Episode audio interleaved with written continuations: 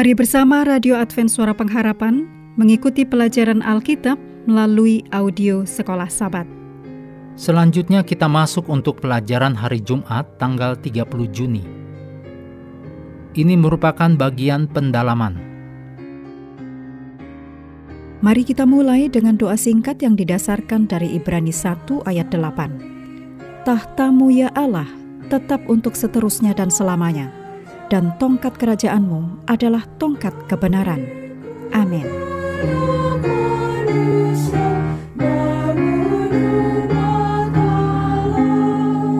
Kisah tentang para pengusir setan yang menyalahgunakan nama Yesus dan Paulus dalam kisah pasal 19 ayat 13 sampai 20 di pelajaran hari Minggu dapat menolong menjelaskan mengapa Paulus menggunakan begitu banyak bahasa tentang kuasa di kitab Efesus.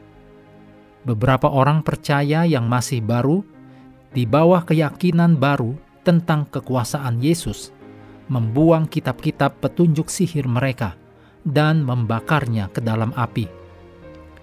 Berkat penemuan dari kira-kira 250 papirus yang berhubungan dengan sihir serta temuan lainnya, kita bisa mendapatkan gambaran tentang banyaknya ritual, mantra, formula, serta kutukan, dan lain-lain yang serupa dengan yang digambarkan dalam manual sihir ini. Kitab-kitab petunjuk ini telah memberikan petunjuk kepada mereka yang percaya bagaimana memimpin upacara untuk membujuk para dewa, para dewi, dan kuasa-kuasa roh untuk melakukan apa yang mereka minta. Lukas memberikan informasi bahwa kitab-kitab itu berharga 50 ribu uang perak atau setara dengan 50 ribu hari upah kerja untuk saat ini, jika seandainya upah kerja per hari Rp200.000, maka 50.000 hari upah kerja ini setara dengan 20 miliar rupiah. Keterangan ini menunjukkan pentingnya kitab-kitab ini sekaligus menjadi pusat dalam kehidupan sehari-hari mereka. Dibutuhkan intervensi Allah yang berdaulat agar mereka cukup yakin bahwa mereka harus benar-benar bertobat dari menggunakan jimat, sihir, memohon kepada dewa-dewa, dan cara-cara tradisional untuk mendapatkan kekuatan spiritual. Demikian ditulis oleh Clinton E. Arnold dalam buku Ephesians halaman 34. Kita memahami bahwa surat Efesus ditulis untuk umat percaya yang memerlukan petunjuk bagaimana mengatasi serangan dan pengaruh berkelanjutan dari kekuatan-kekuatan kosmik yang jahat. Demikian ditulis oleh Clinton E. Arnold, Power and Magic, The Concept of Power in Ephesians, halaman 165. Tanggapan Paulus adalah surat kepada jemaat Efesus di mana Paulus merujuk kepada Kristus sebagai satu-satunya yang telah ditinggikan di atas semua kuasa. Ditulis dalam Efesus 1 ayat 20 sampai 23. Dan menekankan keunggulan kuasa yang Allah berikan kepada orang percaya. Ini ditulis dalam Efesus 2 ayat 15 sampai 19, Efesus 3 ayat 14 sampai 21, Efesus 6 ayat 10 sampai 20. Berikut ini hal-hal untuk diskusi yang pertama, renungkan kuasa atau otoritas apa yang aktif di dalam dunia kita dan juga kehidupan Anda saat ini.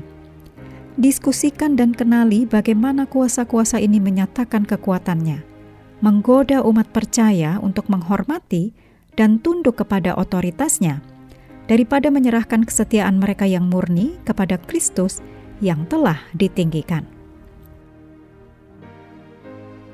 Yang kedua, dalam konteks genap waktunya, rencana Allah untuk mempersatukan segala sesuatu di dalam Kristus, Paulus mengungkapkan pengharapan untuk masa depan.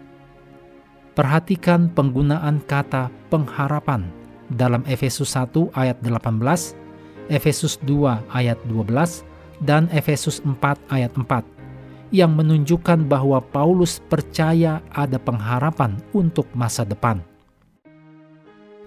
Yang ketiga, dalam ayat-ayat kitab Efesus, yaitu dalam Efesus 1 ayat 13 dan 14, Efesus 1 ayat 21, Efesus 2 ayat 7, Efesus 4 ayat 30, dan Efesus 5 ayat 5.